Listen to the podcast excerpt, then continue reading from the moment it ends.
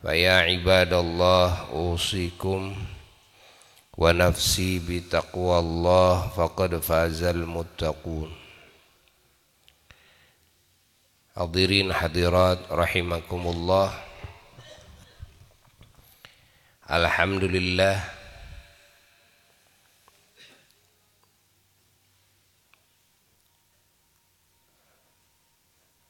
Di malam yang penuh barakah ini di majlis yang penuh rahmat ini Allah mengumpulkan kita semua. Allah mempertemukan kita semua. Mudah-mudahan pertemuan kita di majlis ilmunya, di majlis zikir kepadanya menjadi wasilah keselamatan kita, kebahagiaan kita, kemuliaan kita di dunia dan akhirat. Dan semoga keberkahannya terus melimpah kepada keluarga kita, kepada keturunan kita sampai akhirnya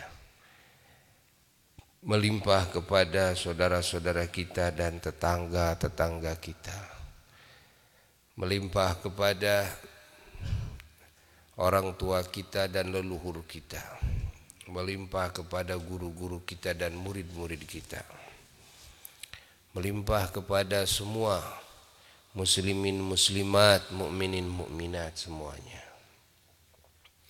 Baik yang masih hidup maupun yang sudah ada di alam barzakh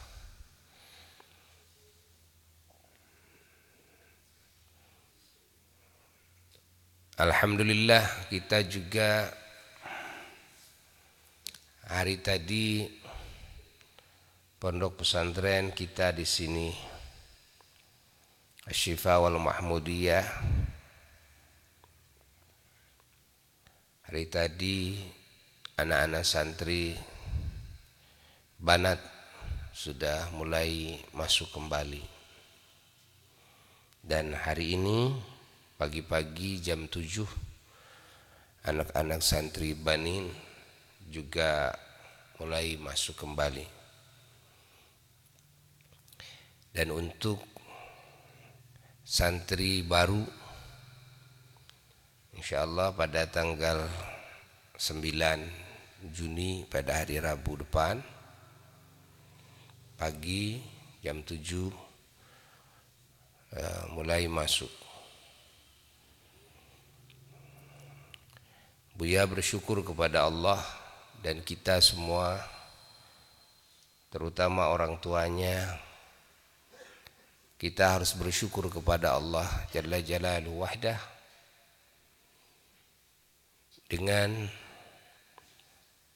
hidayah dan taufik yang Allah berikan kepada anak-anak yang mau mondok mencari ilmu Allah dan juga hidayah dan taufik yang Allah anugerahkan kepada orang tuanya, kepada wali-wali santrinya.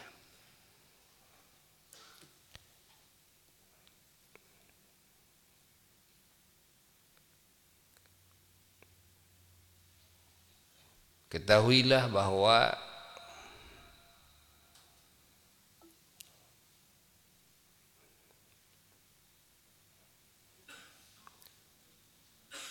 mencari ilmu.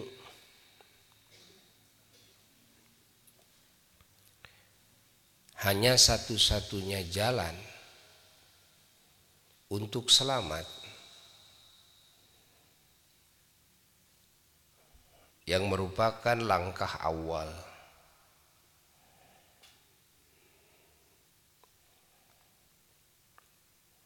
Bagi siapa pun yang ingin selamat dari api neraka yang ingin selamat dari murka Allah dan yang ingin bahagia yang abadi di akhirat kelak. Ingin mulia yang hakiki bukan mulia yang semu, bukan mulia fata morgana, tapi mulia yang hakiki. Dimuliakan oleh Allah, dimuliakan oleh para kekasih Allah, oleh para malaikat Allah, bahkan oleh semua makhluk Allah. Itu mulia yang hakiki. Mulia yang hakiki itu adalah kemuliaan yang datangnya dari Allah. yakni dimuliakan oleh Allah. Kalau Allah sudah memuliakan, maka semua makhluk Allah akan memuliakannya. Terkecuali Ada yang tidak akan memuliakan orang yang dimuliakan Allah. Siapa? Ya. Satu adalah kelompok setan. Kelompok setan ini tidak akan memuliakan orang yang dimuliakan oleh Allah.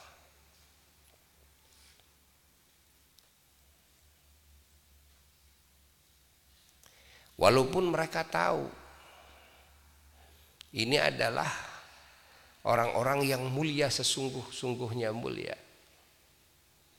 Tapi mereka bangsa setan sikapnya tetap berusaha menghinakan orang-orang yang dimuliakan Allah.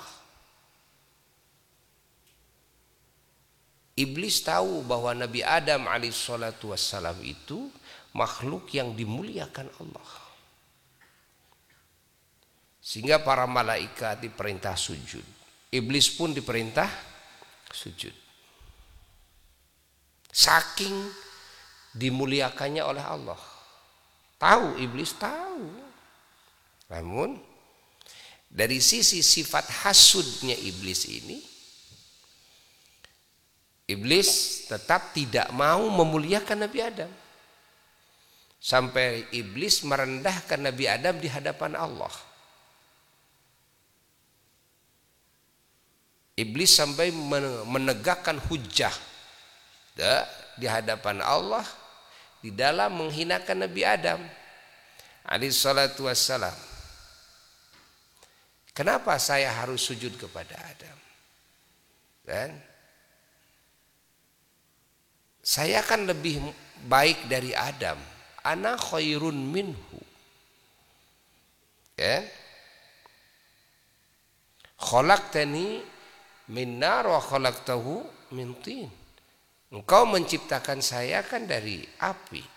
Sementara kau menciptakan Adam dari tanah. Ya. Jadi satu sisi iblis tahu Nabi Adam dimuliakan oleh Allah. Ya. Satu sisi nah dari sifat hasudnya ini iblis tidak menerima Nabi Adam dimuliakan oleh Allah sehingga iblis ya, berusaha menghinakan Nabi Adam. Bahkan menghinakannya Nabi Adam di saat ya, iblis Masya Allah berbicara dengan siapa? Dengan Allah.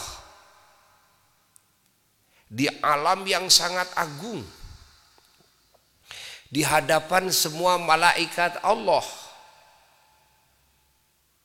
Masya Allah merendahkan Nabi Adam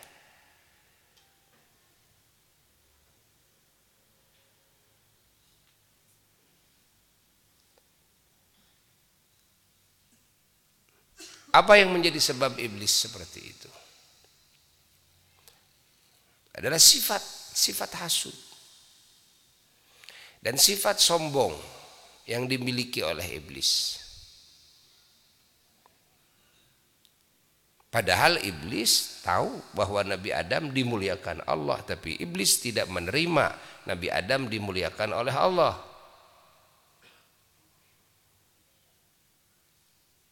Tidak menerimanya iblis kepada keputusan Allah Ingat, tidak menerimanya iblis kepada apa yang dikehendaki oleh Allah ini kan menolak iradat Allah menolak takdir Allah. Tidak ridho kepada keputusan dari Allah. Inilah ya yang menjadikan iblis kufur. Wa kana minal kafirin iblis masuk kepada kelompok kafir. Padahal iblis yakin bahwa Allah adalah Tuhan yang hak. Dan iblis tidak ragu lagi kalau Allah itu Tuhan yang hak tidak ada Tuhan selain selain Allah namun apa yang menjadikan iblis ini kafir? Padahal iblis itu Tuhannya siapa? Allah meyakini bahwa tidak ada Tuhan kecuali kecuali Allah. Yang menjadikan iblis itu kafir adalah kesombongannya kepada Allah. dan menolaknya iblis kepada keputusan Allah. Yang memuliakan Nabi Adam siapa? Allah. Ya. Keputusan siapa? Allah. Kehendak siapa? Allah. Takdir siapa? Allah. Nah, iblis tidak tidak ridho terhadap keputusan Allah. Ini makna aba. Aba. Wastakbara, kibir. Apa kibir? Tidak menerima kebenaran. Dan batrul hak. Tidak menerima kebenaran. Langsung tidak menerimanya kepada Allah. Di hadapan Allah. Dan di alam yang sangat agung, di tempat yang sangat mulia, di hadapan semua malaikat Allah.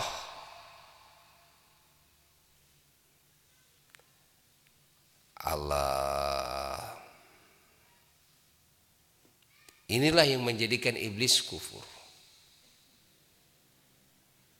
Dan menghinakan makhluk yang dicintai Allah, yang diagungkan oleh Allah.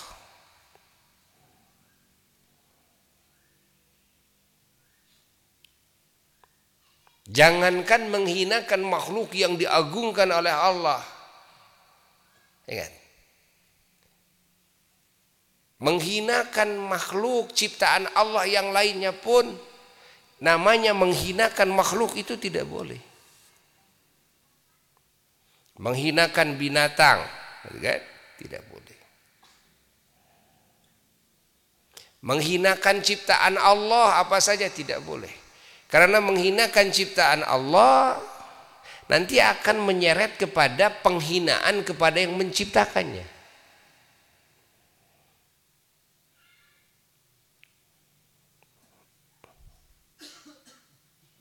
Ini iblis menghinakan makhluk yang jelas-jelas diagungkan oleh Allah.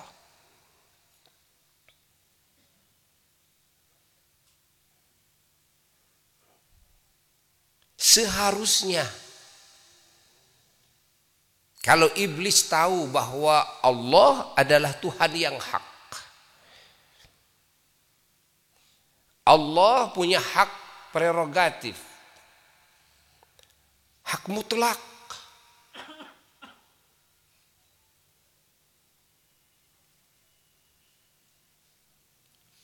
Allah adalah zat yang maha suci dari segala sifat kekurangan.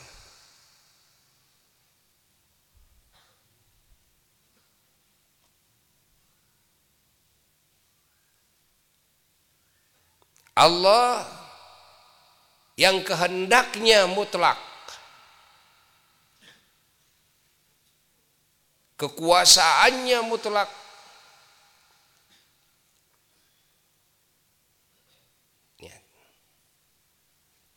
Allah yang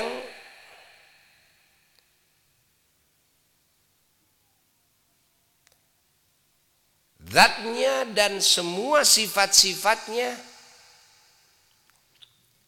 dan af'alnya asma'nya semuanya hakiki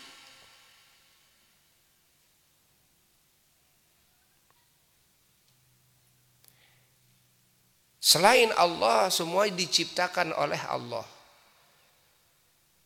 Selain Allah semuanya hal yang baru. Tadinya tidak ada apa-apa, yang ada hanya Allah. Sehingga keberadaan yang hakiki hanyalah keberadaan Allah.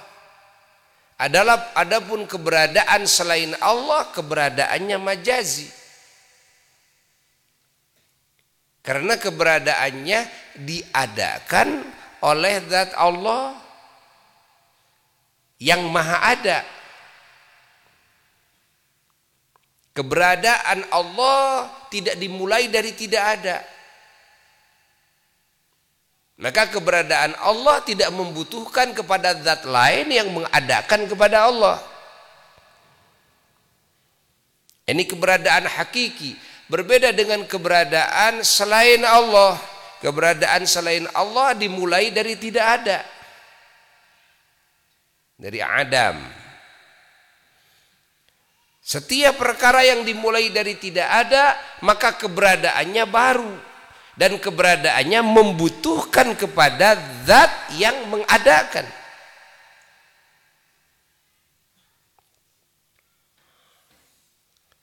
Maka keberadaan semua makhluk, keberadaan selain Allah, semua keberadaannya majazi disebut ada. Adanya majazi.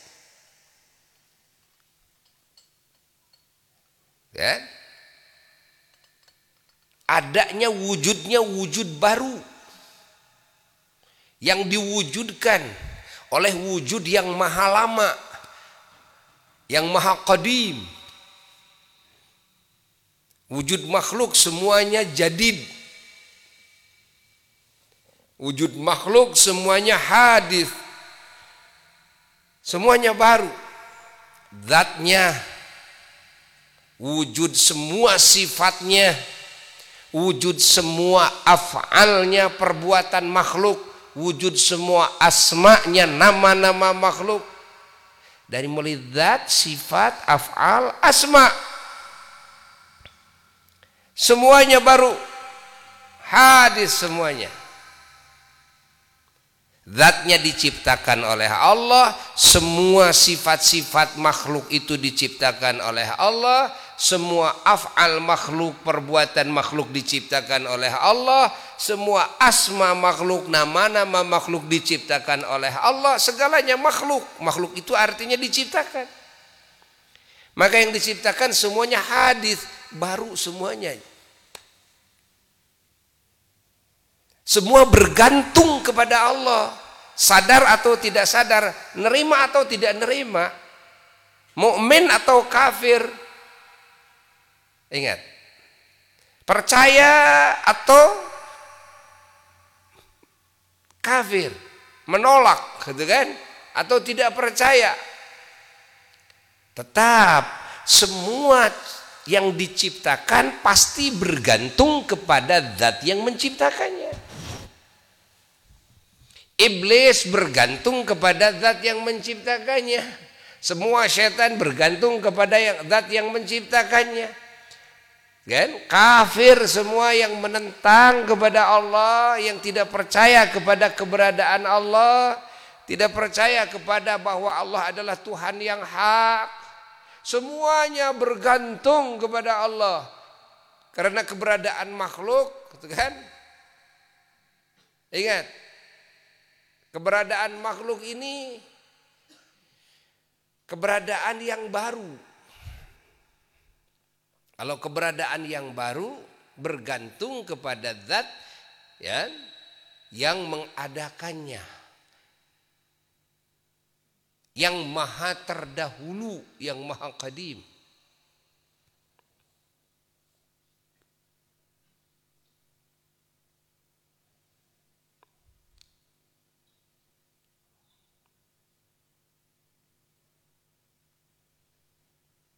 Maka semua makhluk Pasti semuanya membutuhkan Allah. Hatta kafir sekalipun, ya hatta kafir sekalipun. Ini makna ihtiyaj. Semua makhluk yang diciptakan membutuhkan zat yang menciptakannya. Keberadaan zatnya kan membutuhkan zat yang menciptakannya. Keberadaan sifat-sifatnya, keberadaan af'alnya, keberadaan asmanya membutuhkan zat yang menciptakannya.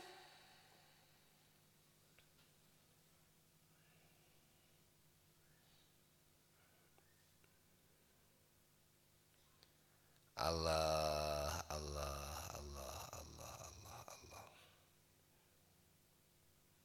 Maka makhluk semuanya tidak ada yang memiliki sifat qiyamuhu binafsihi. Berbeda dengan Allah. Allah zat yang menciptakannya, yang keberadaannya tidak ada permulaannya. Yakni tidak diawali dengan tidak ada dulu. Yakni keberadaannya tidak membutuhkan zat lain yang mengadakan yang lebih dulu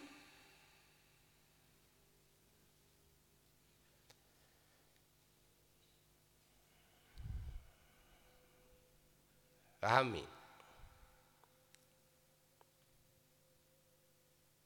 Maka keberadaan Allah Jalla Jalaluhu wahdah tidak membutuhkan kepada zat lain. Tidak membutuhkan kepada yang mengadakan kepadanya.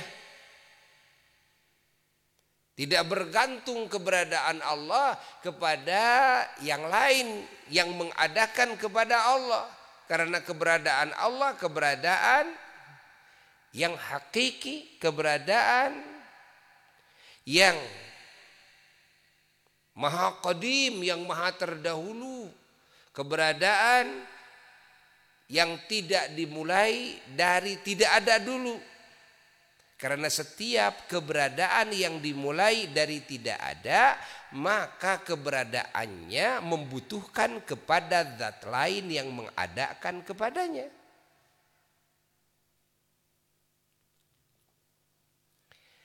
Faham? Faham? Ha, fahami, fahami. Tauhid. Haji aqaid.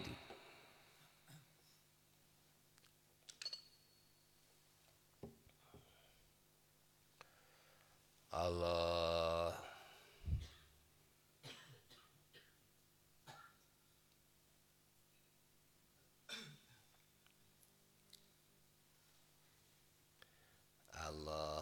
Maka keberadaan Allah adalah keberadaan yang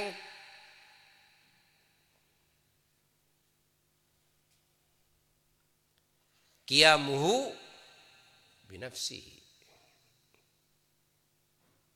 Keberadaan yang maha mandiri. Kalau istilah kita kiamu binafsihi maha mandiri.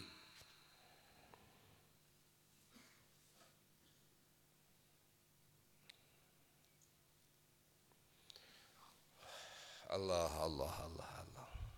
Maka iblis sekalipun dia tidak berani mengaku dirinya sebagai Tuhan. Dia tidak berani kan mengaku saya menciptakan diri saya. Karena iblis itu kan tahu bahwa dirinya diciptakan oleh Allah dan tahu kepada siapa yang menciptakan dirinya. Tahu kepada Allah.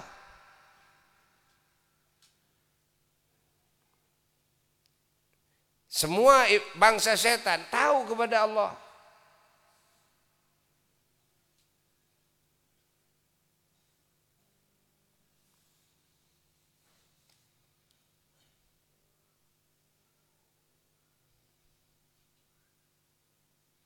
Berbeda dengan manusia, manusia kebanyakannya tidak tahu kepada Allah. Tapi setan ini adalah kelompok yang tahu kepada Allah.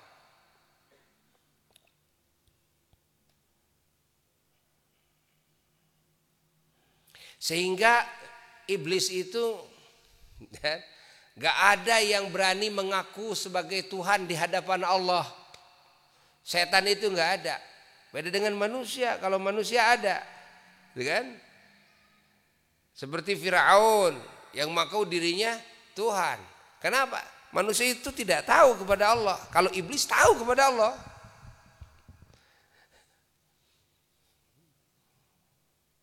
Makanya kita nggak dengar kalau iblis mengaku sebagai Tuhan di hadapan Allah. Enggak. Nggak akan berani. Ya? Saking iblis itu tahu kepada Allah. Dari sisi apa iblis kufurnya? Karena iblis meyakini bahwa tuh, tidak ada Tuhan kecuali kecuali Allah. Nah, dari sisi mana iblis itu kufur? Dari sisi aba wastakbara. Aba apa aba? Aba itu menolak. Menolak keputusan Allah, menolak takdir Allah, menolak ridhonya Allah dan menolak kepada kehendaknya Allah, tidak nerima. Ya. Nabi Adam diposisikan khairun lebih baik gak nerima. Sehingga Nabi Adam harus disujudi ya, diperintahkan oleh Allah ya, semua malaikat hatta iblis sekalipun harus sujud kepada Nabi Adam. Aba menolak. Nggak nerima. Saya diposisikan di bawah Adam nggak nerima kan Allah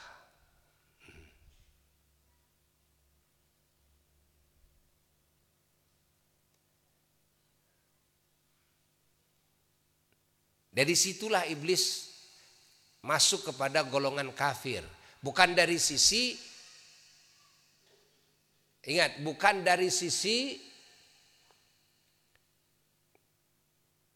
keimanannya kepada Allah bahwa Tuhan yang hak adalah Allah, bahwa tidak ada Tuhan kecuali Allah, bukan dari sisi itu. Bukan. Tapi dari sisi dan aba wastakbara wa kana minal kafirin. Dari sisi menolak. Wastakbara dari sisi kibir. Apa kibir? Ya. Baturul haq.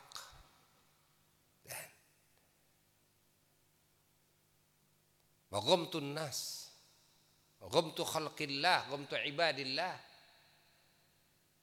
menolak kebenaran yang datang dari Allah.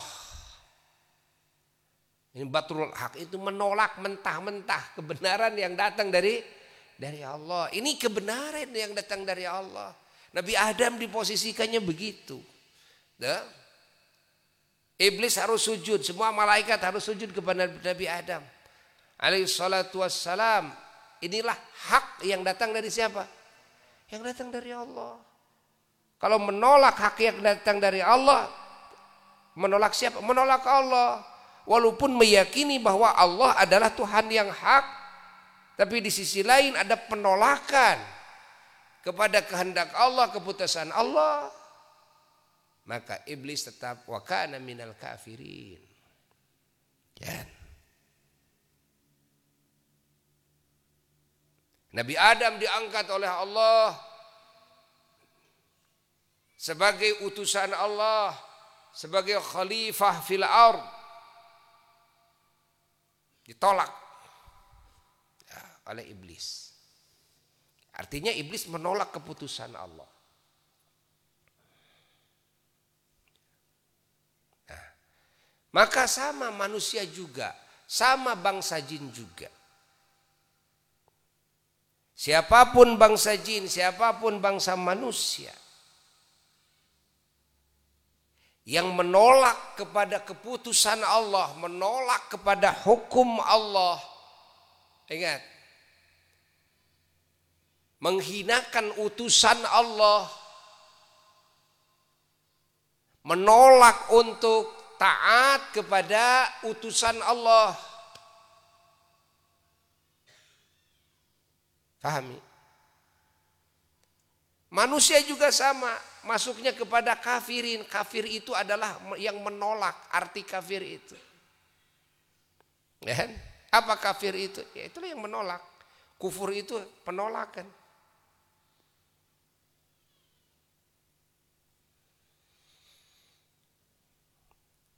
Bangsa jin juga sama begitu. Yang disebut kaum kafirin daripada kelompok manusia, kelompok jin sama. Kan? Malah kalau manusia dan bangsa jin ada lebihnya mereka banyak yang tidak tahu kepada Allah sama sekali. Ada yang tidak percaya kepada keberadaan Tuhan yang hak, keberadaan Sang Pencipta yang Maha Esa.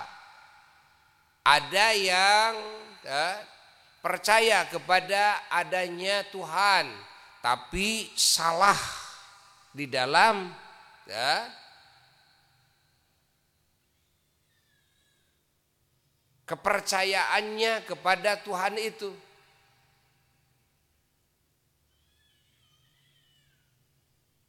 Sehingga menjadikan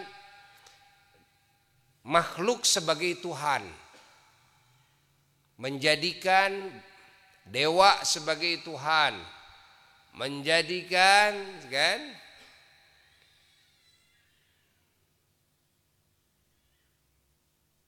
jin sebagai Tuhan, menjadikan setan sebagai Tuhan, menjadikan malaikat sebagai Tuhan, menjadikan apa saja selain Allah, termasuk menjadikan nabi, rasul sebagai Tuhan. Nah, ada yang bertuhan kepada batu, ada yang bertuhan kepada matahari, ada yang bertuhan kepada Hatta kepada sapi itu kan.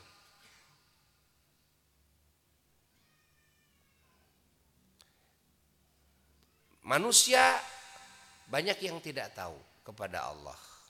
Ya. Lalu ada manusia yang tahu kepada Allah. Ada bangsa jin manusia yang tahu kepada Allah. Tapi mereka tetap masuk kepada golongan kafir. Kenapa? Karena yang barusan, ya, seperti iblis barusan. Ada yang mereka menganggap bahwa selain Allah itu juga Tuhan.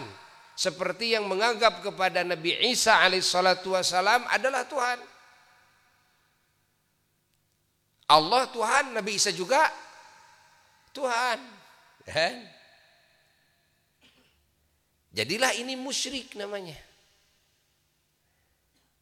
Musyrik itu adalah ya, yang punya kepercayaan kepada selain Allah. Ingat, yang disamakan dengan Allah.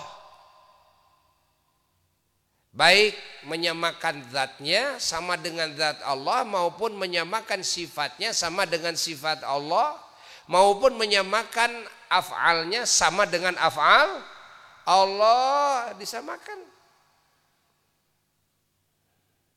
Ini musyrik namanya.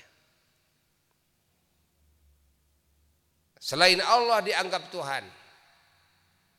Atau selain Allah ada sifat yang disamakan dengan sifat Tuhan.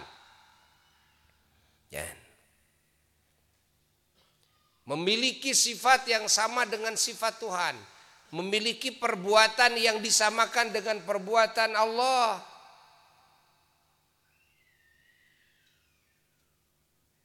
Inilah yang disebut dengan musyrik. Nah, musyrik masuk kepada kafir. Walaupun dia mengaku bahwa Allah adalah Tuhan.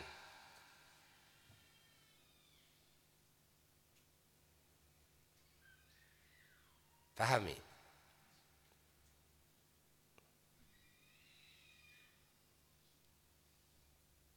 Walaupun mengaku Allah adalah Tuhan. Tapi ada kepercayaan bahwa selain Allah ada yang zatnya disamakan dengan zat Allah atau sifatnya disamakan dengan sifat Allah. Ya? Atau af'alnya disamakan perbuatannya dengan perbuatan Allah.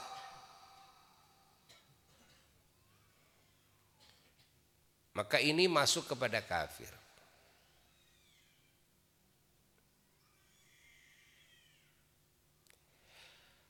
Ada lagi yang kafir itu juga masuk kepada kafir ketika tidak menerima kepada keputusan Allah.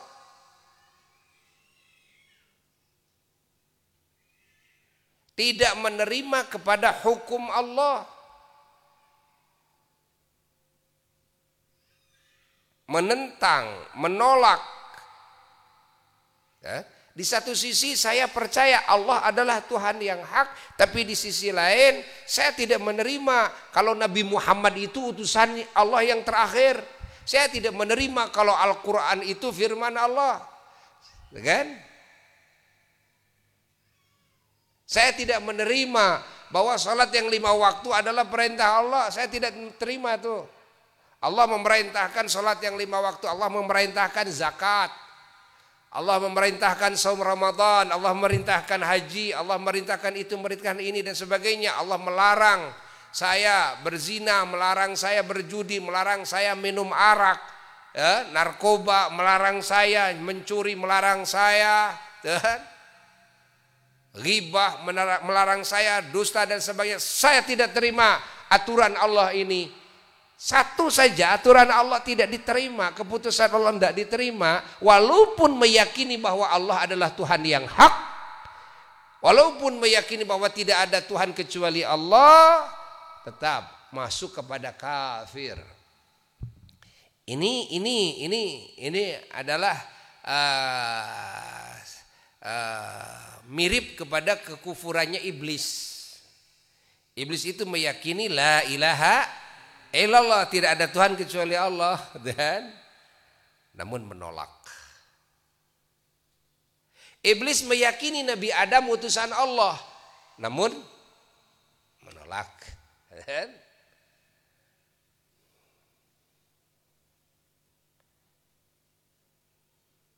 Makanya kenapa Yahudi, kenapa Nasrani masih disebut kafirin, kaum kafirin? Dari sisi apa? Bukankah mereka bertuhan kepada Allah ya?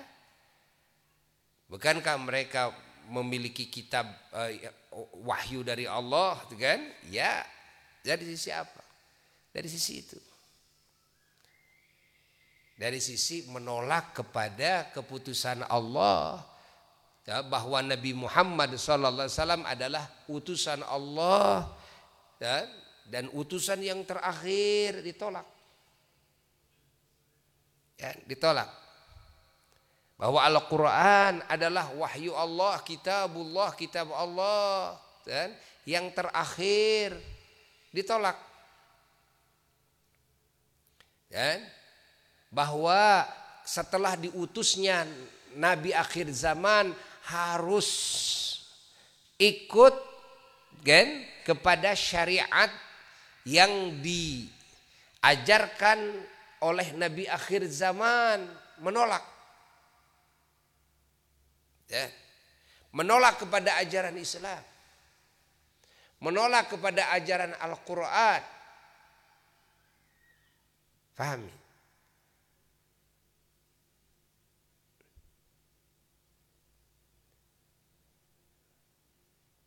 Walaupun mereka pemimpin-pemimpinnya dulu itu percaya bahwa Nabi Muhammad Nabi akhir zaman.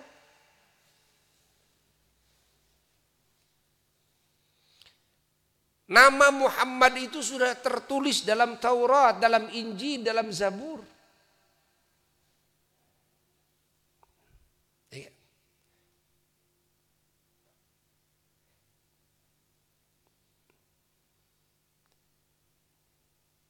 Sehingga di golongan Yahudi itu mereka tidak menyadari bahwa nama Muhammad itu mereka sebut-sebut. Itu kalau di tembok ratapan di sana di uh, Masjidil Aqsa kan ada tembok ratapan. Berdoanya orang Yahudi itu mereka itu suka menyebut-nyebut nama Muhammad. Mereka tidak menyadarinya bahwa itu adalah Muhammad yang dimaksud adalah Nabi akhir zaman. Karena disebut ada, disebut. Ya dengan bahasa Ibrani disebut.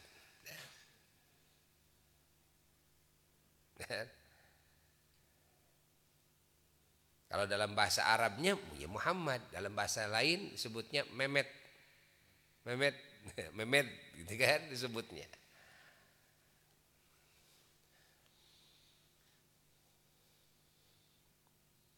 Lalu pemimpin-pemimpinnya juga kan dulu merubah ayat-ayat Allah yang di sana menceritakan sifat-sifat keagungan Nabi akhir zaman. Hatta sifat posturnya, gitu kan? Nabi akhir zaman sudah disebutkan, kegantengannya sudah disebutkan, gitu kan? Rambutnya bagaimana sudah disebutkan, alisnya, semuanya sudah disebutkan dalam Taurat dirubah oleh mereka. Dirubah dengan sifat-sifat yang buruk. Ya. Bertambahlah kekufurannya. Padahal cukup untuk menjadi seseorang menjadi kafir itu cukup dengan apa? Dengan menentang keputusan Allah. Udah cukup, udah udah kafir. Aba wastakbara. Aba saja sudah cukup tambah wastakbara dan kibir. Kibir, ya.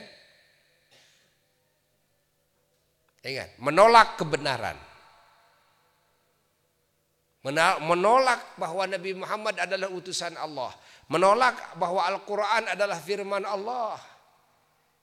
Yang terakhir, ya, menolak bahwa syariat Islam adalah syariatnya Allah dan yang menyalin semua syariat rasul-rasul terdahulu sehingga setelah ada syariat Islam yang dibawa oleh baginda Rasulullah wasallam maka tidak boleh ada lagi syariat di muka bumi ini kecuali syariatnya baginda Nabi besar Muhammad sallallahu alaihi wasallam. Lalu ditolak. Ini namanya wastakbara aba wastakbara. Kalau sudah aba wastakbara walaupun meyakini Allah Tuhan yang hak walaupun meyakini semua rasul-rasul rasul Nabi Adam Nabi Musa Nabi Isa semua utusan Allah kan? Tapi ketika ada penolakan kepada sebagian maka tetap wakana minal kafirin karena keimanan itu harus sempurna kepada segala yang wajib diimani. Tidak boleh tu'minuna bi ba'dhin wa takfuruna bi ba'dhin.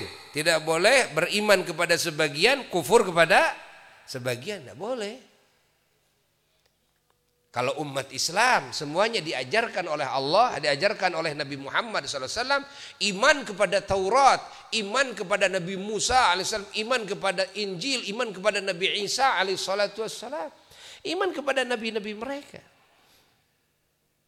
Ya, cinta kepada nabi-nabi mereka. Ya, Yakin bahwa Taurat adalah kitab Allah, firman Allah yang hak, Al-Injil, Az-Zabur dan semua kitab-kitab samawi yang sebelumnya semua adalah kitab-kitab yang hak, firman Allah yang hak, wahyu Allah yang hak. Syariat yang dijalankan oleh para rasul yang terdahulu syariat yang hak. Dan semuanya hakikatnya adalah ajaran Islam yang dibawa oleh Nabi Adam alaihissalatu wassalam sampai Nabi Musa sampai Nabi Isa tidak ada ajaran Kristen tidak ada ajaran Yahudi tidak ada. Ajaran hanya satu adalah ajaran Islam. Maka tidak ada ajaran yang paling pertama turun ke muka bumi kecuali Islam. Yang dibawa oleh Nabi Adam alaihissalatu wassalam ajaran apa? Ya Islam. Inna dina indallahil Islam. Agama Allah hanya satu adalah agama Agama Allah hanya satu adalah agama Islam. Selain agama Islam adalah agama baru yang diagamakan oleh manusia. Agama baru yang diagamakan oleh manu, manusia. Pahami? Beda dengan al-Islam. Semua para nabi nggak ada yang bikin agama, semua para rasul nggak ada yang bikin agama, malaikat Jibril alaihi salatu wasallam nggak bikin agama. Semua datang dari siapa? Dari Allah, malaikat Jibril hanya menyampaikan kepada utusan-utusannya, utusan-utusannya mengamalkan dan menyampaikan kepada umatnya masing-masing di tiap masa.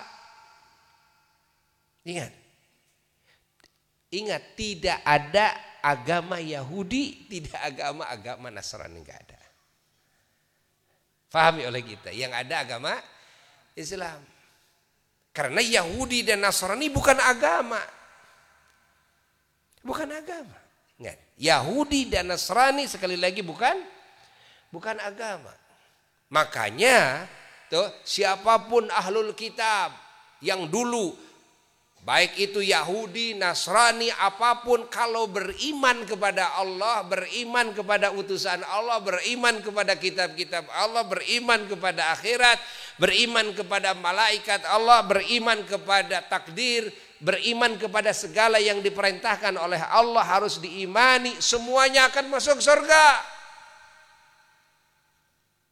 Ingat. Semuanya akan masuk surga, semuanya ahlul jannah.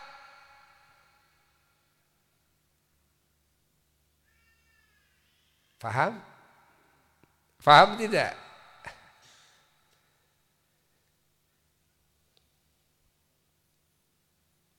Kenapa? Karena semua mukmin iman benar imannya tidak rusak. Ketika ada rusak keimanannya kepada sebagiannya beriman, kepada sebagiannya tidak beriman. Nah, Walaupun mengaku muslim, mengaku umat Nabi Muhammad SAW, dan, tapi ketika beriman kepada sebagian, tidak beriman kepada sebagiannya, tetap kafir. Tidak berhak mendapatkan surga. Kalau masuk kafir. Mengaku muslim tapi menentang kepada aturan Allah. Ingat. Mengaku muslim tapi menentang kepada Quran mengaku muslim, ingat, merendahkan kepada utusan Allah, merendahkan kepada kitab Allah, ya sama wakana minal kafirin, masuknya ya kafir. Walaupun mengaku muslim. Ingat. Sebaliknya yang dulu Walaupun itu Yahudi, walaupun itu Nasrani, walaupun itu uh, apa saja namanya, itu kan bukan agama, apa saja namanya. Tapi orang yang beriman kepada Allah dan utusannya dan kitab-kitabnya, malaikatnya, akhirat, takdir, dengan benar beriman semuanya. Tidak ada penolakan kepada Allah dan Rasulnya. Tidak ada penolakan kepada aturan Allah dan Rasulnya. Ingat, tidak ada aba tetap mereka ahli surga semuanya.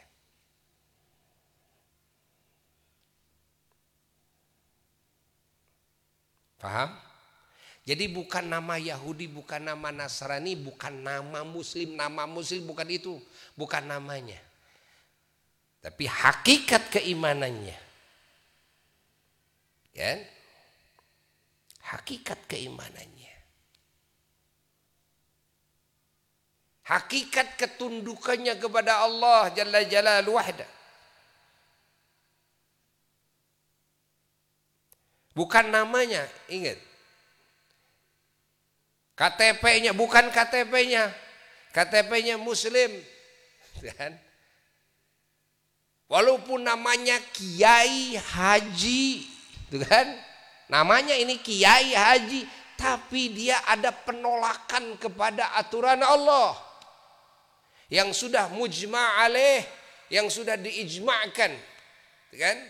Penolakan kepada aturan Allah baik yang wajib maupun yang haram maupun yang sunnah maupun yang makruh yang mujma alaih yang sudah diijmakan disepakati oleh semua ulama ahli sunnah wal jamaah di muka bumi ini maka tetap wakana minal kafirin penolakan itulah yang menjadikan dia menjadi kafir keluar daripada wilayah iman. Keluar daripada wilayah iman. Ingat.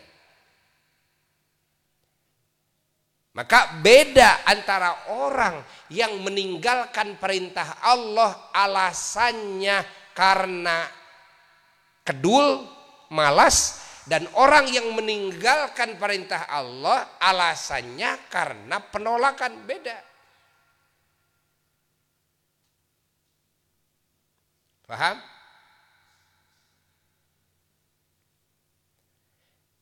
Begitu pula orang yang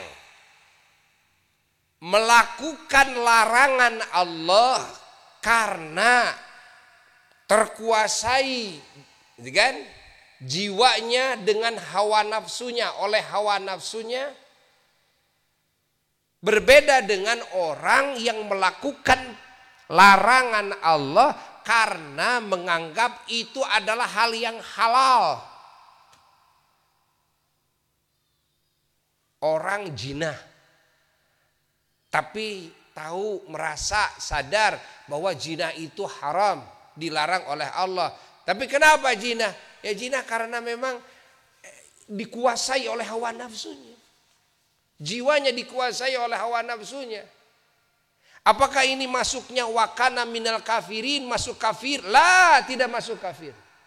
Walaupun dia tukang zina tukang lacur tukang judi tukang minum arak tukang apa saja maksiat kepada Allah selama dia meyakini itu adalah maksiat, selama dia meyakini itu adalah hal yang diharamkan oleh Allah. Namun mereka melakukannya karena dikuasai oleh hawa nafsunya, dikuasai oleh setan. Masukkah itu kepada orang yang kafir? Tidak. Orang yang tidak sholat yang lima waktu seumur hidupnya. Orang yang tidak saum Ramadan. Orang yang tidak haji. Orang yang tidak zakat. Lalu di sisi lain dia melakukan maksiat, melakukan zina, melakukan judi, minum arak dan sebagainya. Warna-warni maksiat kepada Allah. Tapi dia menyadari bahwa itu semua adalah haram. Itu semua adalah dilarang oleh Allah. Menyadari bahwa dirinya melakukan kesalahan kepada Allah maka tetap orang ini tidak masuk kepada kelompok kafir. Karena tidak ada aba tidak ada wastakbara tidak ada aba penolakan nggak ada saya saya saya nerima bahwa ini ini haram saya, saya tahu bahwa sholat ini wajib. Tapi saya nggak sholat ya karena saya malas saja. Bukan karena saya membolehkan tidak sholat. Bukan karena saya membolehkan tidak saum Ramadan.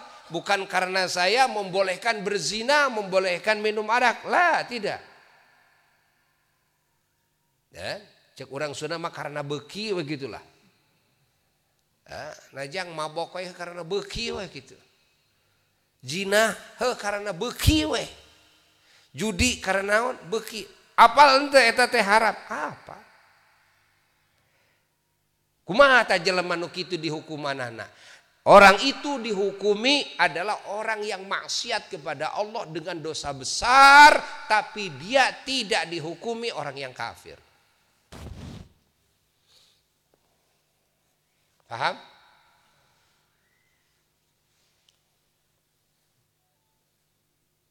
hayati. Adapun keterangan-keterangan dalam hadis mantarakas salata orang yang meninggalkan salat yang lima waktu kan yang sengaja hadis ini dikatakan oleh para ulama ahli sunnah wal jamaah maksudnya adalah orang yang di dalam hatinya punya anggapan bahwa meninggalkan sholat itu boleh. Ya kan? Bukan sekedar meninggalkan sholat, tapi meninggalkan sholat itu boleh. Ini ya namanya menghalalkan perkara yang diharamkan, mengharamkan perkara yang dihalalkan. Bikin hukum baru, mau jadi Tuhan sendiri. Dan ini masuk kafir. Ini masuk kafir. Bahkan kepada hal yang sunnah sekalipun. Contoh, sunnah yang sudah diijmakan sholat qobliyah, ba'diyah, umpamanya sholat witir. Lalu kita menolak mentah-mentah kepada hukum sunnahnya sholat witir atau sunnahnya sholat rawatib. Yang sudah diijmakan ketika ada penolakan kafir. Padahal kepada yang sunnah. Kufur kalau yang sudah diijmakan. Karena menolak kepada keputusan siapa? Menolak kepada hukum siapa? Hukum Allah. Ini namanya aba wastakbaro. Kalau aba wastakbaro nantinya wakana minal kafirin. Masuknya ke kafir. Tapi kalau orang tidak sholat sunnah, jangankan tidak sholat sunnah, tidak sholat fardu sekalipun seumur hidupnya, tidak bisa. Dan dihukumi ini orang kafir. Kalau dia masih menyadari itu kan, bahwa sholat itu wajib. Dan cuma karena malas saja tidak sholat itu.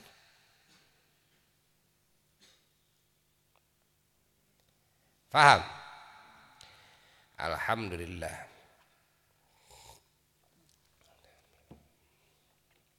Ayati. Jadi kita tahu oh begitu ya yang pantesan ya kan disebut kafir ini disebut kafir kafir kafir kafir. Nah, kenapa Yahudi sekarang disebut kaum kafirin. Kenapa Nasrani disebut kaum kafirin? Di masa Kangjeng Nabi Muhammad SAW mereka dimasukkan kepada kaum kafirin. Artinya kafirin apa? Karena mereka aba wastakbar. Karena menolak kepada keputusan Allah yang sudah ditetapkan oleh Allah dalam Injilnya, dalam Tauratnya bahwa Nabi Muhammad adalah Nabi akhir zaman. Bahwa utusan Allah dan syariat Islam bahwa syariat Allah Quran adalah firman Allah walaupun mereka mengaku bahwa Tuhan yang hak adalah Allah walaupun mereka mengaku bahwa Nabi Isa utusan Allah Nabi Musa utusan Allah Taurat Zabur adalah kitab-kitab Allah ingat mereka percaya kepada akhirat mereka percaya kepada surga neraka mereka percaya kepada malaikat tetap wakana minal kafirin mereka kafir. Kenapa?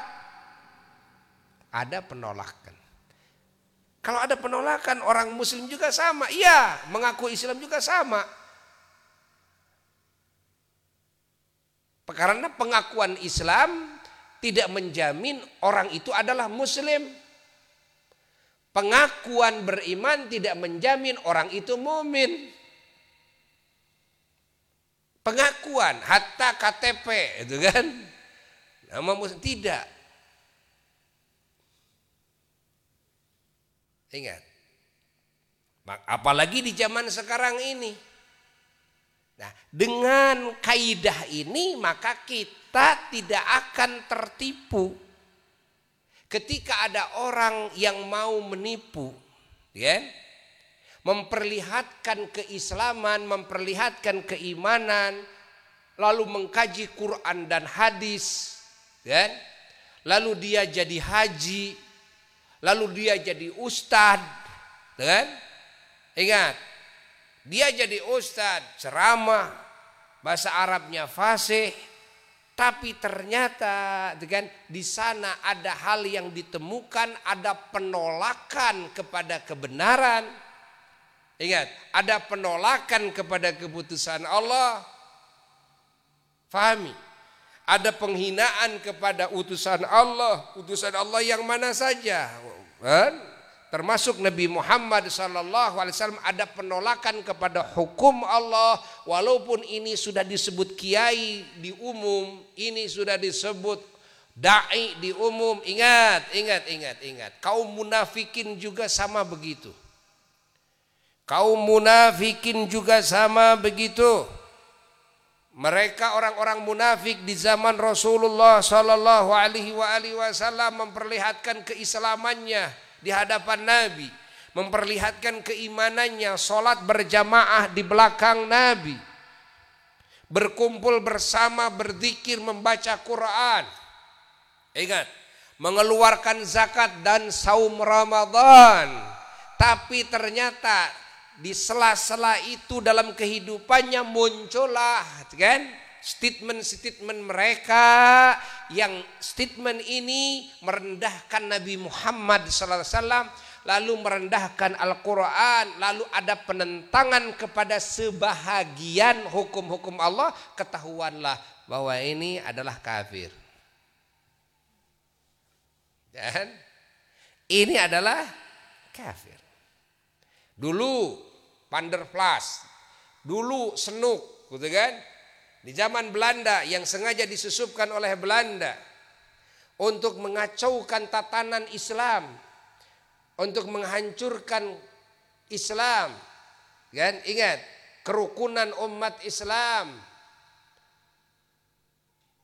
agar manusia ini benci kepada Islam agar manusia ini tidak mau masuk kepada Islam, betul kan?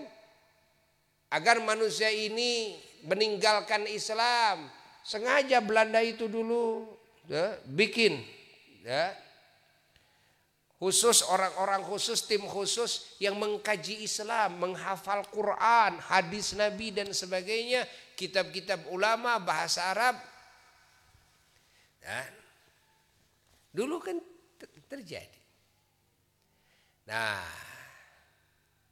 mereka adalah orang-orang yang ya, yang disebut munafikin, kaum-kaum munafik.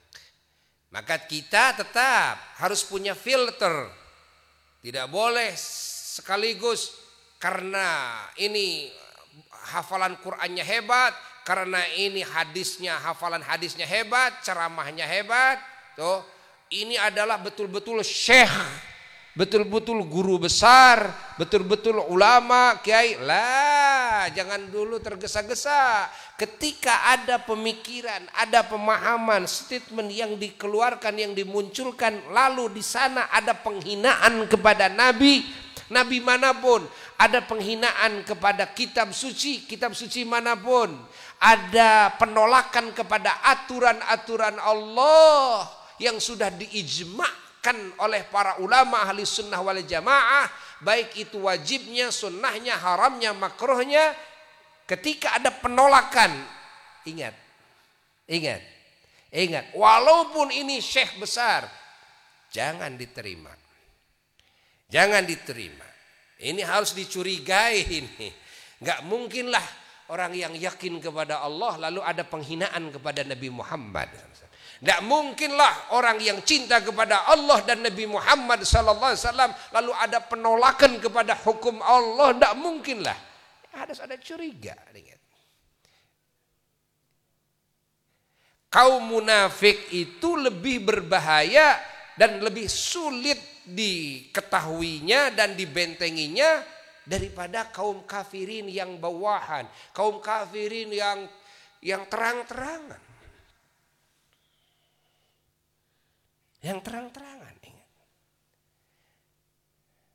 Dan sekarang ini sudah terjadi. Dan terjadi di setiap masa. Terjadi di setiap masa. Dan akhirnya Quran banyak yang dirubah. Dan ada cetakan Quran yang memang dirubah di sana. Dan ayatnya dirubah, kalimatnya ada yang dirubah. Namun gak usah risau, Kenapa? Karena Allah sudah berjanji inna nahnu nazzalna dzikra wa inna lahu lahafizun. Allah berjanji akan menjaga Al-Qur'an ini. Kan? Jangankan kan? Ingat jangankan seminggu, dua minggu, sebulan, dua bulan, kan? Satu jam saja ketika ada penyelewengan pasti akan ketahuan. Pasti akan ketahuan. Karena Quran ini dijaga oleh Allah. Berbeda dengan kitab-kitab yang lain. Allah tidak menjamin menjaganya.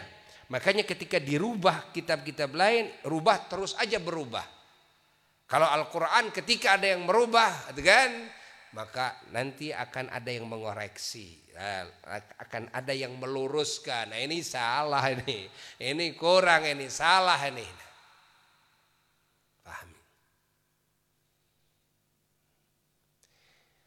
Allah, Allah, Allah, Allah, Allah, Allah, Allah, Allah. Maka sekarang harus hati-hati ya. Harus hati-hati. Ingat, harus hati-hati. Harus hati-hati. Harus hati-hati. Ingat kaidah yang barusan. Aba wastakbara wa kana minal kafirin. Ingat.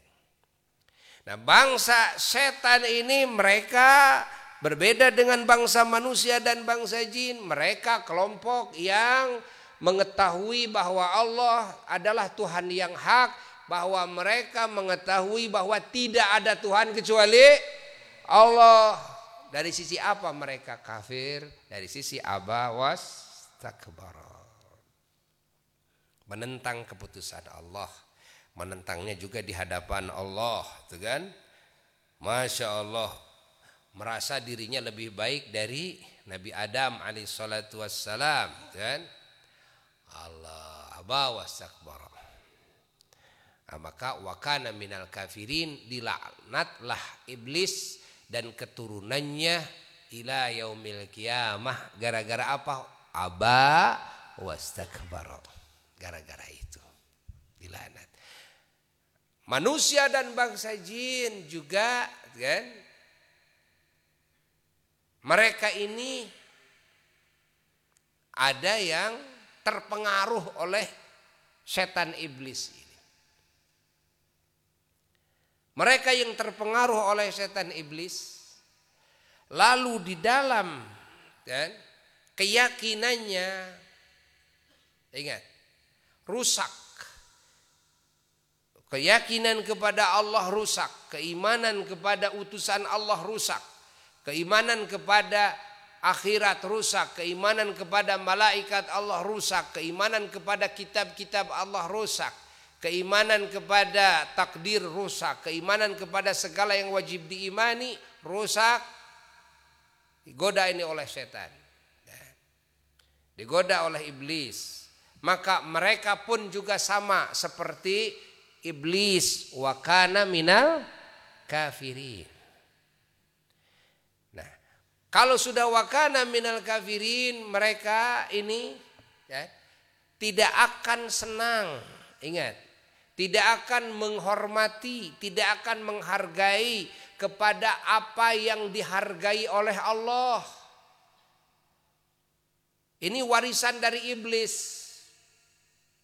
Iblis tidak menghargai Nabi Adam yang diagungkan oleh Allah. Ingat, iblis berusaha terus mencelakakan Nabi Adam dan keturunan Nabi Nabi Adam. Kerjaannya seperti itu maka di kelompok manusia dan bangsa jin juga sama. Ada yang jadi setan-setannya yang disebut syayatinil insi wal jin. Setan-setan manusia dan setan-setan jin. Setan-setan manusia artinya kelompok-kelompok dari manusia dan yang sifatnya persis seperti setan. Syayatinil jin kelompok-kelompok jin yang sifatnya seperti setan. Apa sifatnya seperti setan? Adalah menolak kepada keputusan Allah, menolak kepada aturan Allah, menghinakan para kekasih Allah. Ingat, hasud kepada para kekasih Allah, dan sehingga mereka hidupnya berusaha mencelakakan orang-orang yang dimuliakan oleh Allah, orang-orang yang beriman kepada Allah, menghalang-halangi yang lain supaya tidak beriman kepada Allah dan Rasulnya. Menghalangi yang lain supaya tidak beribadah kepada Allah, supaya tidak taat kepada utusan Allah, supaya tidak mengamalkan kepada kitab Allah Jalla Jalaluhu Wahdah. Ingat, lalu menjelek-jelekan agama Allah. Menjelek-jelekan kebaikan yang diajarkan oleh Allah. Merusak tatanan ukhuwah persaudaraan, kan? Yang diajarkan oleh Allah dan Rasulnya. Kerjaannya seperti itu. Ini syayatinil insi wal jin. Setan-setan manusia dan setan-setan jin. Bagaimana solusinya? Nah, kalau memang keberadaan bangsa setan dan setan manusia, setan jin seperti itu di setiap masa, tidak ada caranya. Nah, kecuali kita semuanya harus teguh kan, kepada ajaran Allah istiqamah teguh memegang teguh kepada ajaran Sayyiduna wa Maulana Muhammad wasallam dengan ikhlas karena Allah semata. Maka siapa orang yang memegang teguh kepada ajaran Allah dan Rasulnya ingat mengkaji ilmu istiqamah mengamalkannya istiqamah berdakwah terus istiqamah lillahi ta'ala karena Allah ta'ala maka kelompok ini tidak akan bisa dikalahkan oleh kekuatan setan dan kekuatan setan manusia dan setan jin sekalipun. Tidak akan bisa dikalahkan. Ingat. Pahami oleh kita. Tidak akan bisa dikalahkan. Maka kita semuanya umat Islam di mana pun. Ya, kita tidak usah apa namanya uh, tidak usah memikirkan bagaimana cara mereka mencelakakan, cara mereka mengacaukan dan sebagainya. Tidak usah. Yang terpenting kita adalah istiqamah. Ingat, istiqamah. Memegang teguh kepada ajaran Allah. Mencari ilmu kepada ulama-ulama Allah istiqamah mengamalkannya istiqamah, menyebarluaskan berdakwah terus istiqamah. Dan biarkan mereka terus berupaya mengganggu, biarkan mereka terus berupaya berpikir bagaimana menghancurkan ini umat Islam, bagaimana mencerai beraikan umat Islam, bagaimana bagaimana nggak usah kita mikirin urusan mereka. Kalau kita ikhlas karena Allah, istiqamah di dalam menjalankan aturan Allah dan Rasulnya, ingat, yang di dalamnya di antaranya membangun ukhuwah, membangun persaudaraan, berbuat baik kepada sesama, berakhlak mulia, kan? Menghadirkan rasa kasih sayang di dalam hati kepada semua makhluk Allah, kan? Bersabar kita ketika menerima kejelekan dari yang lain. Fahami, ya.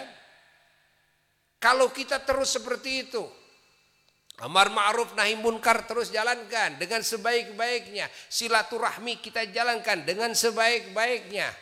Ya. Baik dengan sesama muslim maupun dengan non muslim sekalipun. Kalau itu dijalankan dengan istiqamah walaupun mereka berusaha dengan sekuat tenaganya maka tidak akan bisa ya, mempengaruhi kepada ya, keistiqomahan orang-orang yang istiqamah. Tidak akan mempengaruhi. Tidak akan mempengaruhi. Kitanya yang harus istiqomah. Lillah ikhlas semua karena Allah. Ngaji istiqomah. Dan dicerca dicaci, dimaki, dijelek-jelekin dan sebagainya. Terus istiqomah ngaji kepada ulama. Terus istiqomah amal, kan? Salat berjamaah, makmurkan masjid, makmurkan majelis ilmu, majelis zikir, anak-anak kita terus pesantrenkan, masukkan ke pesantren, ingat. Istiqomah. Ya kan? Dakwah istiqomah, walaupun dicerca, dicaci, dimaki, gitu kan? Diinkari, didustakan, biarlah EGP. Apa? EGP, emang gue pikirin. Ya. EGP. Ya. Gak usah dilayani, gak usah, gak usah dilayani. Ingat, kepada Allah saja kok ditentang, Rasul saja ditentang, apalagi kita. Kalau kita dicerca, dicaci, dimaki, didustakan, diejek dan sebagainya, ya wajarlah. Kita kan orang yang serba banyak kurang. Allah saja dicaci kok. Rasul saja dicaci kok. Quran saja dianggap salah kok. Dan Buya memberikan nasihat nih, kan? Kepada para mustami'in, kepada umat Islam semuanya yang suka menyimak FB itu kan melalui FB ceramah-ceramah Buya dari YouTube dan sebagainya. Lalu andai kata ada melihat ada komen-komen yang komen-komen itu menyalahkan, mengingkari dan sebagainya, nggak usah di nggak usah dipikirin. EGP jalan terus. Jalan terus, jalan terus. Ya. Paham? Karena setan itu nggak akan berhenti. Dan baik setan yang aslinya maupun setan manusia dan setan bangsa jin. Tidak akan pernah berhenti. Mereka akan mengadakan memunculkan penolakan-penolakan pengingkaran-pengingkaran kepada hak kepada kebenaran. Tidak akan pernah berhenti. Pahami dan ketahuilah bahwa setan yang aslinya setan manusia dan setan bangsa jin mereka itu istiqomah di dalam perjuangannya. Mereka itu istiqomah dalam perjuangannya. Perjuangan apa? Perjuangan dalam penolakan kepada Allah penolakan kepada nabi penolakan kepada kebenaran kepada hukum Allah dan di dalam apa? Menghinakan kekasih-kekasih Allah menghinakan Allah, menghinakan Rasul, menghinakan ulama, menghinakan para aulia, menghinakan para solehin, menghinakan Al-Quran, menghinakan sunnah. Kan? Mereka itu istiqomah. Nah, kalau mereka istiqomah, lalu kalau kita tidak istiqomah, ya kalah kita maka tidak bisa mengalahkan kepada keistiqomahan bangsa setan dan setan manusia dan setan jin kecuali dengan istiqomah lagi. Hanya dengan istiqomah lagi. Ya? Makanya kita harus bersyukur. Bersyukur kita alhamdulillah setiap malam kami, setiap ya kan? Uh, rotinan kita bisa hadir keluarga bawa istiqomah ngaji, istiqomah amal, istiqomah dakwah. Ya? Kita harus bersyukur anak-anak kita dipesantrenkan. Alhamdulillah. Karena memesantrenkan anak ini fahami memesantrenkan anak kita apa itu mesantren? Mengkaji ilmu Allah dengan serius siang dan malam dalam waktu yang lama mengkaji ilmu Allah, Quran dan Sunnah dari berbagai sisinya. Ini itu arti memesantrenkan, itu arti mondok. Berbeda kita dengan ngaji sekarang seperti majelis-majelis salim. Tidak dari seluruh sisinya, tapi kalau mondok artinya dari seluruh sisi. Mengkaji ilmu Allah itu. Dan maka memesantrenkan anak, pahami itu artinya menjayakan Islam. Itu artinya menghidupkan Islam. Itu artinya membentengi Islam dan membentengi umat Islam. Karena tidak akan bisa ya, umat Islam ini terbentengi kecuali dengan orang-orang yang berilmu. Ingat, tidak akan hidup ini Islam kecuali dengan wasilah orang-orang yang berilmu. Dan juga memesantrenkan anak kita adalah menyelamatkan umat, menyelamatkan manusia, menguntungkan, membahagiakan mereka semua dan memuliakan derajat mereka, menyucikan mereka dari kotorannya menerangi hati-hati mereka dengan cahaya Allah.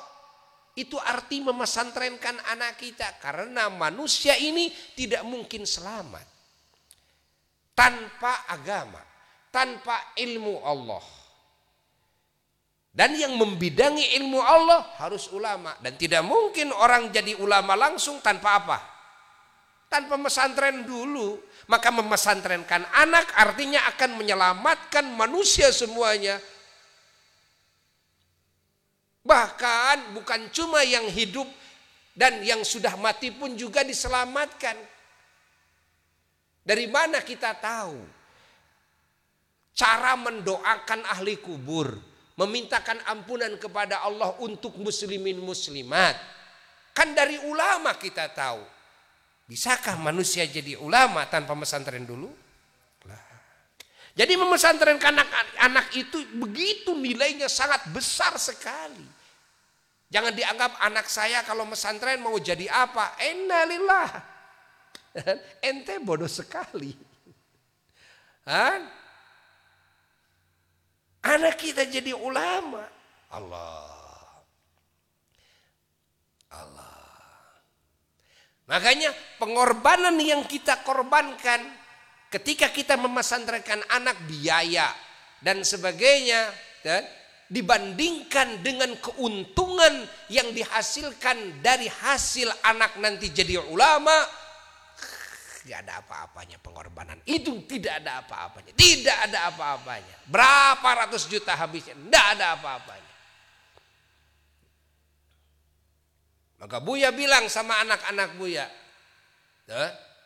Buya wasiat kepada anak-anak Buya yang gede, kepada ibu-ibunya. Andai kata Buya mati, ya. Semua adik-adik kalian harus mesantren, semua jadi ulama. Buya tidak pernah bercita-cita anak jadi pejabat. Tidak pernah bercita-cita anak jadi ekonom. Tidak pernah bercita-cita anak jadi teknokrat. Tapi Buya bercita-cita semua anak Buya dan keturunan Buya sampai akhirnya semua jadi ulama Allah. Semua harus jadi ulama Allah. Dan kalau Buya mati, lihat harta-harta Buya yang ada jual demi memesantrenkan adik-adik kalian sampai semuanya menguasai ilmu Allah. Dan Buya sudah wasiatkan. Ya, sudah wasiatkan sama anak-anak yang gede. Kalian yang gede yang bertanggung jawab semuanya.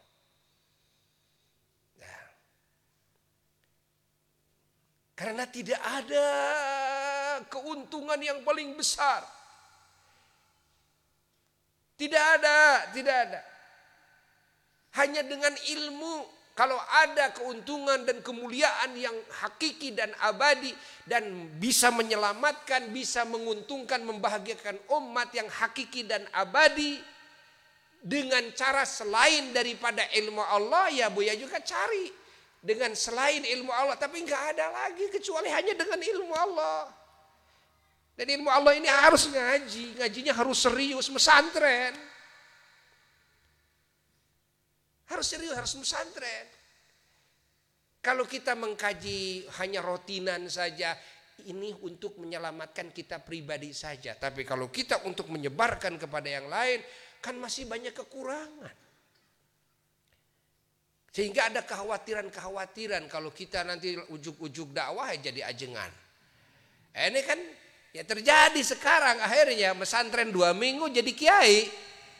Akhirnya ya akhirnya ngawur. Tuh ngawur akhirnya, gitu kan? Makanya Buya setuju kalau ada lomba pidato, lomba dai di TV dan sebagainya. Ya Buya setuju-setuju saja untuk memompa dari satu sisi. Tapi ada yang dikhawatirkan. Apa? Keberanian sudah ada, ngomong sudah pinter, ilmu sedikit sudah punya, dipercaya sama orang. Bahan masih kurang. Akhirnya banyak yang nanya. Kan terjadi di TV, gitu kan? Buya dengar sendiri kok. Kan? saya bertanya bertanya kepada kepada ini pembicaranya itu kan. Oh, akhirnya berfatwa dengan fatwa yang salah. Ini banyak dengar sendiri tuh. Inna lillahi wa inna ilaihi raji'un itu kan.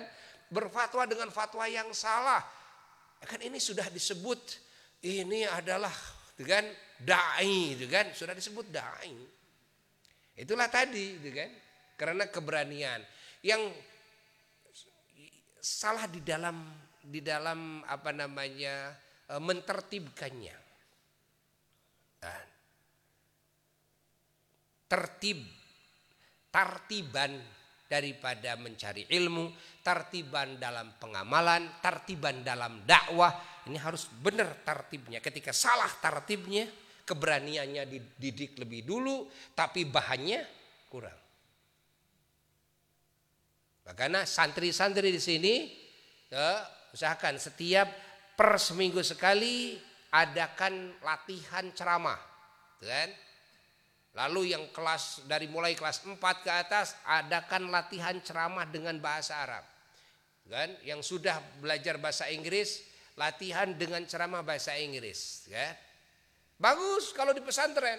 Kenapa? Karena hari siang dan malam itu tuh bahan terus di oh, diperbanyak, nimba terus diperbanyak bahannya, tinggal melatih keberanian ya, beranian berbicara. Tapi orang yang tidak pesantren, cuma pesantren kilat, lalu ikut ya, dai, RCTI atau DI apa dan sebagainya, keberanian sudah ada pada ngundang ke sana kemari. Akhirnya apa?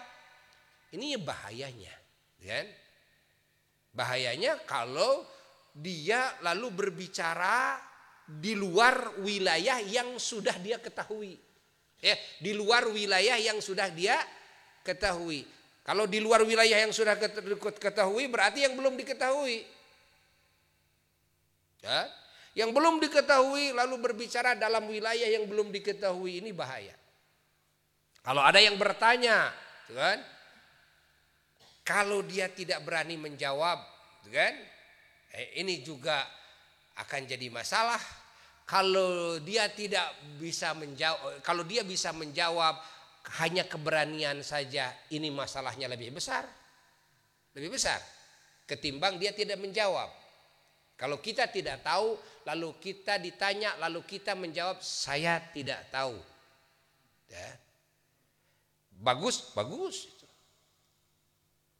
jawaban kita itu jujur ya dan itu selamat selamat benar selamat Kan? Tapi kan kalau jadi kiai segalanya tidak tahu. Berbeda dengan orang yang bukan ulama. Kan? Kan? Nah, untuk apa jadi kiai? Nanti segala tidak tahu. Ditanya saya segala-gala tidak tahu. Tanya masa ini tidak tahu. Masa ini tidak tahu? Ini tidak tahu. Kenapa kamu jadi dai? Ah, nah. Kalau memaksakan diri menjawab ada di wilayah ketidaktahuannya, di wilayah kebodohannya, ini lebih bahaya lagi. Dan ini terjadi, ini terjadi di zaman kita. Dan sudah disabdakan oleh Nabi kita Shallallahu Alaihi Wasallam, di mana nanti, gitu kan, yang akan dijadikan oh, panutan itu, itu adalah yang yang yang hinanya, yang bodohnya itu sebetulnya eh, yang tidak berilmu, ya. yang bodohnya. Dan itu sudah masuk kepada masa kita. Ini di masa kita ini. Allah, Allah, Allah, Allah, Allah, Allah, Allah, Allah, Allah. Dan Allah. Kalau memang selamat Orang yang seperti barusan sudah jadi dai, jadi ustad, bahan kurang gitu kan. Ah, udah aja kalau ada yang nanya tidak dijawab, kan? Artinya selamat. Nah, tapi kan nanti orang jadi bosen nanti. Boring Ya. Bosen nanti. Bosennya gimana? Yang dibahas itu itu saja. Karena bahannya kurang. Kalau bahan kurang ini 10 panggung, 20 panggung oh sudah kewalahan. Dan hanya bahannya itu itu juga bahannya. Kan? Karena keilmuannya hanya segitu. Tapi masih mending ini, masih mending ini, masih mending. Selamat tetap selamat kalau seperti itu. Ya, memang okay, kita harus berdakwah sesuai dengan apa yang kita ketahui, gitu kan? Jangan keluar daripada wilayah pengetahuan, ingat. Jangan, jangan. Tapi ada e, nanti efek sampingnya. Efek sampingnya orang apa? Boring nanti orangnya. Boring nanti. efek sampingnya itu. Ya. Makanya perlu terus menggali. Menggali, menggali, menggali, menggali. Jangan sampai kita terus dagang tapi nggak pernah belanja. Ya kan? Boleh kita jadi tukang apa dagang genong, tidak apa-apa. Asal kita rajin dagang, kan? Eh apa kita kita rajin belanja. Belanja itu kan sedikit ada tempe ada tahu. Ya sedikit sedikit sajalah. Ada sayuran ada apa itu kan jual lagi itu kan. Pagi-pagi berangkat jam 7 udah habis selesai. Belanja lagi besok. Bagus kalau begitu. Tidak apa-apa ya. Kita tidak pernah pesantren tapi rajin ngaji gitu kan setiap malam Kamis pemahaman pemikiran saya catat, saya rekam, pulak balik, dagangkan. Ya kan? Kalau udah dagang, nanti ada yang belanja, umpamanya lebih daripada kapasitas, jangan, jangan dilayani, jangan, jangan, jangan dilayani, jangan, jangan, jangan dilayani, kan? Sesuai kapasitas kita, gitu kan? Nanti malam kemis belanja lagi, dagangkan lagi. Begitu, itu bagus. Nah, orang seperti ini lama-lama ya jadi kaya. Lama-lama jadi kaya kalau istiqomah ngaji terus kepada gurunya ulama yang wawasannya luas di dalam Islam, gitu kan? Nah, ini ini lama-lama dia jadi kaya raya. Akhirnya dia punya jongkok, akhirnya dia punya pasar sendiri. Ya, jadi ajengan beneran tuh. Jadi ajengan beneran kan. Itu kalau istilah kakek dulu Mama Eyang Bojong gitu kan bilangnya ajengan pakan kunang. ayah ajengan cina ayah ajengan cek dirina, ayah ajengan cek pamajikan anak itu kan. Ya, ngomong ke pamajikan anaknya ke di mana harapun batur ke akang teh kedah nyebat nyebut kang ajengan. Ajengan cek pamajikan itu kan aya ajengan cek murid nae wungkul ajengan teh aya ajengan cek sararea. Aya ajengan teh ajengan pakan kunang cenai kuma ajengan pakan kunang teh ajengan pakan kunang teh gitu euy. Lamun ngajarkeun ka batur gitu kan oh ditanya ku batur dicatat. Maka ke mingon payun diwaler kan. Buru-buru ngaji ke guruna ngaji ke guruna rotin. nanyaken kaguruna masalah iya masalah iya masalah jeung keterangan anak terus dina jero saminggu teh apalkan geus kitu tah ieu keterangan anak apa siga nya bisa? Geus kitu oh beki jalma teh kan? Beki seueur nu naros janten panarosan gitu kan? Uh, di, di, di, di iya we di lada di layanan we ngan? Sarantos. Catet. gitu nu nanya teh sarantos tanya kendi ka guruna. Bulak balik itu itu gitu sakali ngaji ayah 10 nunanya weh ayana tuluy ditanyakan ka guruna 10 masalah. Tuluy unggal minggu 10 masalah 10 masalah 10 masalah dihafalnya tungtung na euy jadi ajenganyaan ya. Nah, orang diajar jadi ajengan naon pakan pakan kunang. Gitu kan. Ay pakan kunang gitu kan. Itu loba-loba mau pakan oge henteu gitu kan. Ya. Tah gitu. Istiqomah istiqomah istiqomah ya. Nah kalau memang kita ingin jadi ulama yang betul-betul gitu kan dalam waktu yang cepat ya pesantren yang benar. Ngaji siang dan malam.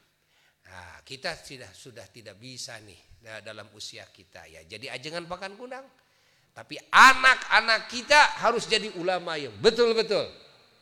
Anak-anak kita, pesantrenkan anak-anak kita. Maka Buya mengajak kepada semuanya. Ya, ini Buya bikin pesantren gede-gede. Ayo silakan masukkan. Masukkan anak-anak kita. Ya. Biayai oleh kita. Ingat. Berapapun biayai demi anak kita jadi ulama. Ingat, walaupun kita mengeluarkan biaya ratusan juta, miliar, miliaran umpamanya demi anak jadi ulama Allah, ingat nanti buahnya keuntungannya kan kalau dibandingkan dengan pengorbanan-pengorbanan tidak ada apa-apanya akhirnya. Keuntungannya subhanallah bermiliar-miliar manusia yang selamat, bermiliar-miliar manusia yang bahagia dan beruntung yang naik derajatnya, ahli dunia, ahli kubur semuanya jadi selamat. Masya Allah. Agama jadi kuat kan? Nah, sunnah Rasulullah SAW jadi hidup. Nah, dengan apa? Ya dengan memasantrenkan. Siapa yang ingin menghidupkan agama, siapa yang ingin berjuang kan menyelamatkan umat, pesantrenkan anaknya. Karena nggak mungkin kalau tidak dipesantrenkan. Hingga jangan bersandar kepada kiai yang sekarang ada, yang mungkin esok atau lusa mati. Kalau sudah mati ya sudah hilang. Kan? Banyak pesantren yang akhirnya lenyap pesantren itu. Padahal pesantren besar ya. Banyak uh, keulamaan seorang ulama itu kan ketika wafat sudah selesai gitu kan. Tapi ya, apa yang menjadi sebab? Yang menjadi sebab karena tidak ada regenerasi. Ya. Jadi untuk mengabadikan penyelamatan umat, mengabadikan, ingat, dalam menghidupkan agama ini dan sunnah-sunnah Nabi ini, Caranya dengan memesantrenkan. Nah, pesantrenkan anak-anak kita. Insya Allah, ya, Buya menginginkan Jawa Barat ini menjadi provinsinya ulama. Provinsi para aulia-aulia Allah. Khususnya Jawa Barat ini. Nah, kan? Khususnya Jawa Barat ini. Ya, Buya ingin nanti santri-santri yang di sini ya begitu selesai mondok di sini ya, sudah memang lulus dari sisi keilmuan amaliyah akhlak dan adab sampai dakwahnya ya. Maka terus insya Allah akan kerjasama.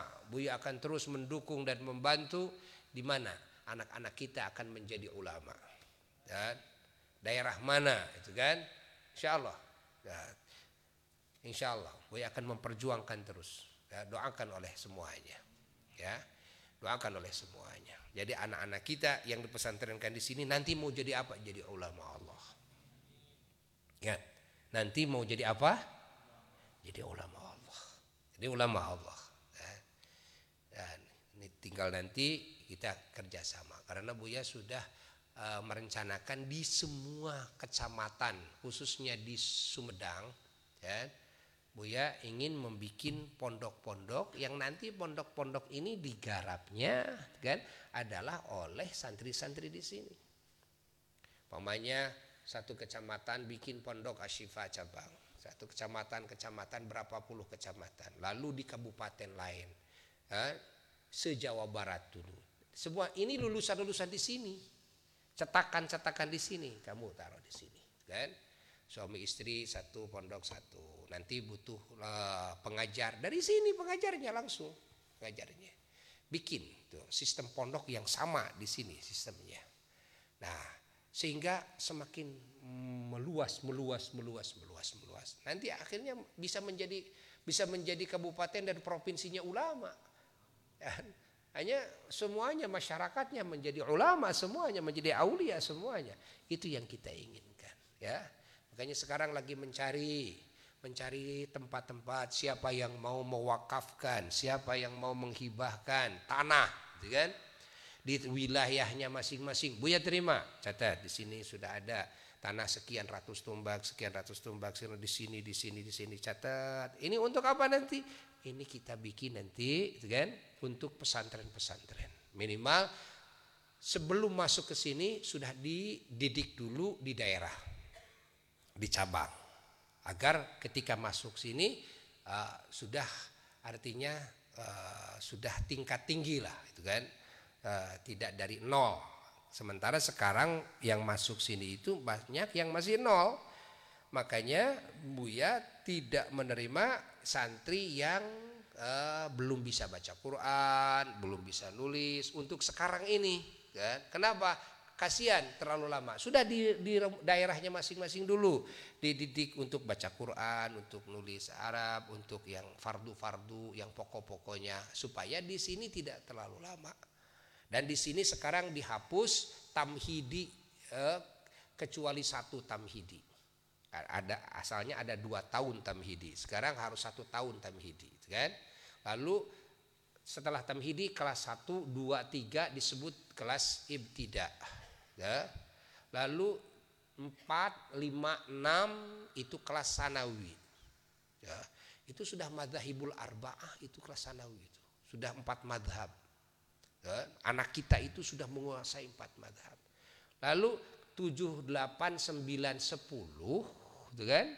7, 8, 9, 10 ini kan Buya mau bikin nanti yang setara SMA, setara SMP SMA, setara eh, S1 tuh Mahad Ali, 4 tahun Mahad Ali, ya. 4 tahun Mahad Ali. Itu adalah kelas 7, 8, 9, 10. 7, 8, 9, 10. Nah, itu untuk Mahad Ali. 4 tahun rencananya. Jadi yang tadinya tamhidi 2 tahun sekarang menjadi satu tahun. Makanya kenapa sekarang ada ada pengetesan ya untuk supaya tidak terlalu eh, apa ketinggalan anak ini ya.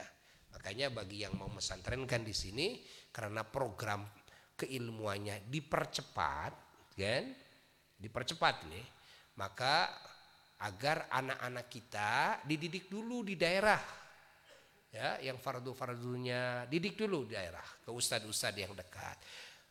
Ketika sekarang banyak di daerahnya kesulitan maka Buya ingin membuat pesantren-pesantren asyifa cabang daerah.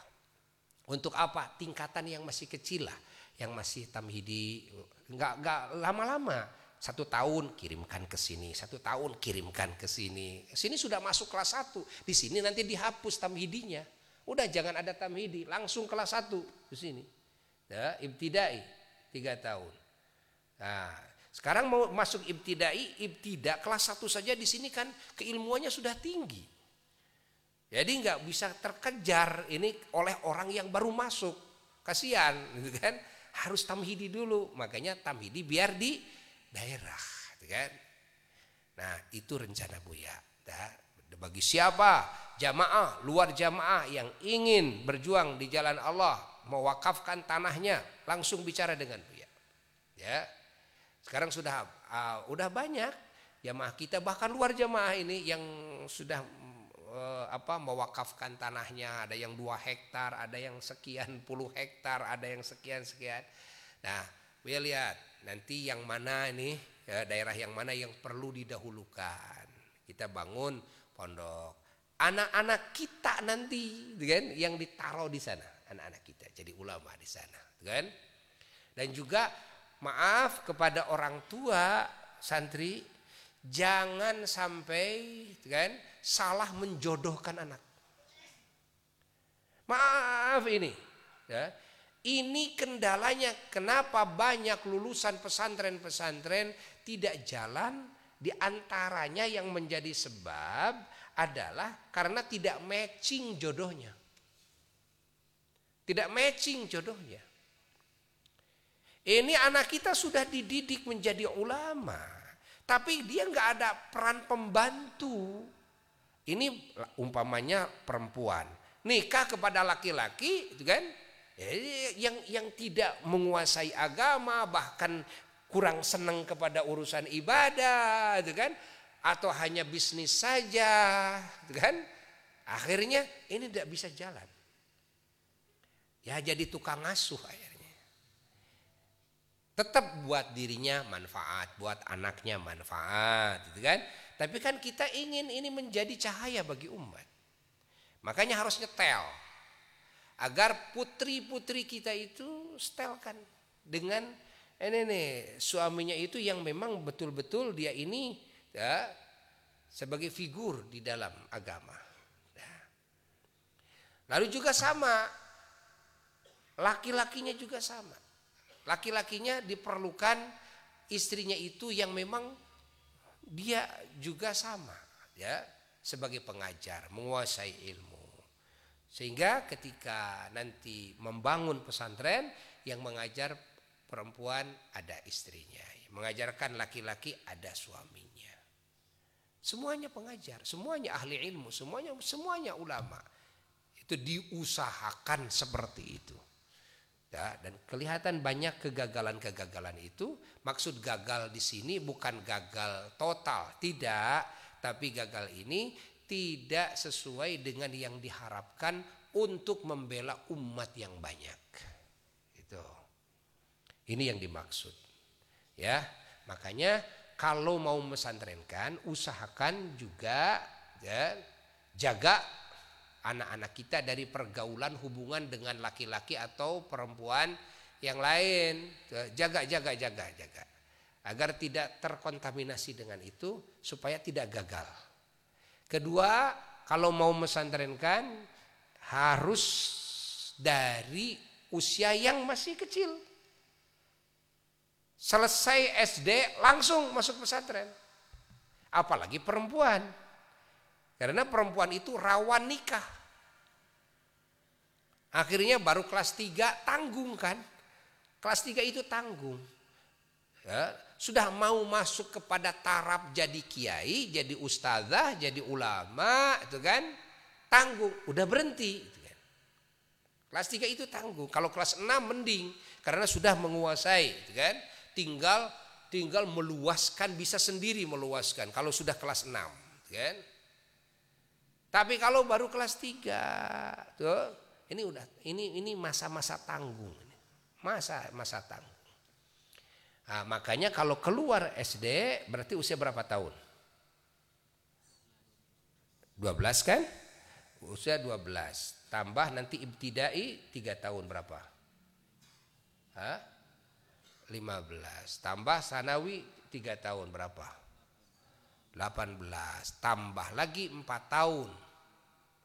20 22 atau 23 umpamanya dengan tamhidi satu tahun 23 tahun ya sudah cukup wanitanya mateng itu kan artinya menguasai keilmuan tidak ragu lagi kita jadi kiai di mana saja menjawab pertanyaan siapa saja tuh mau bicara di TV mau bicara di mana kita sudah tidak ragu lagi.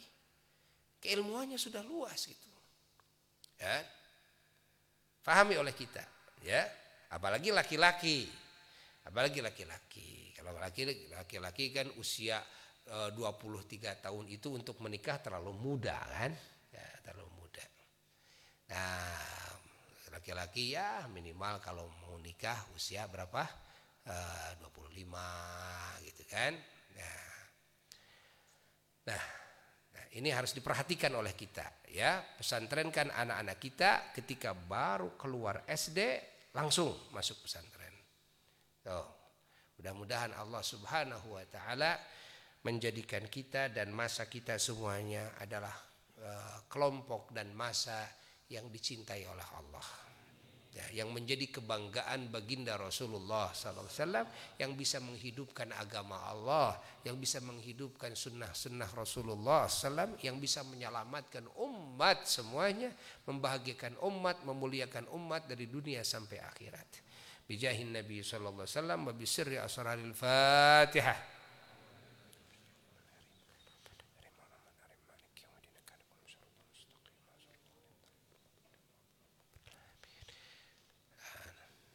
Demikian yang bisa saya Buya sampaikan. Mohon maaf dari segala kekurangan.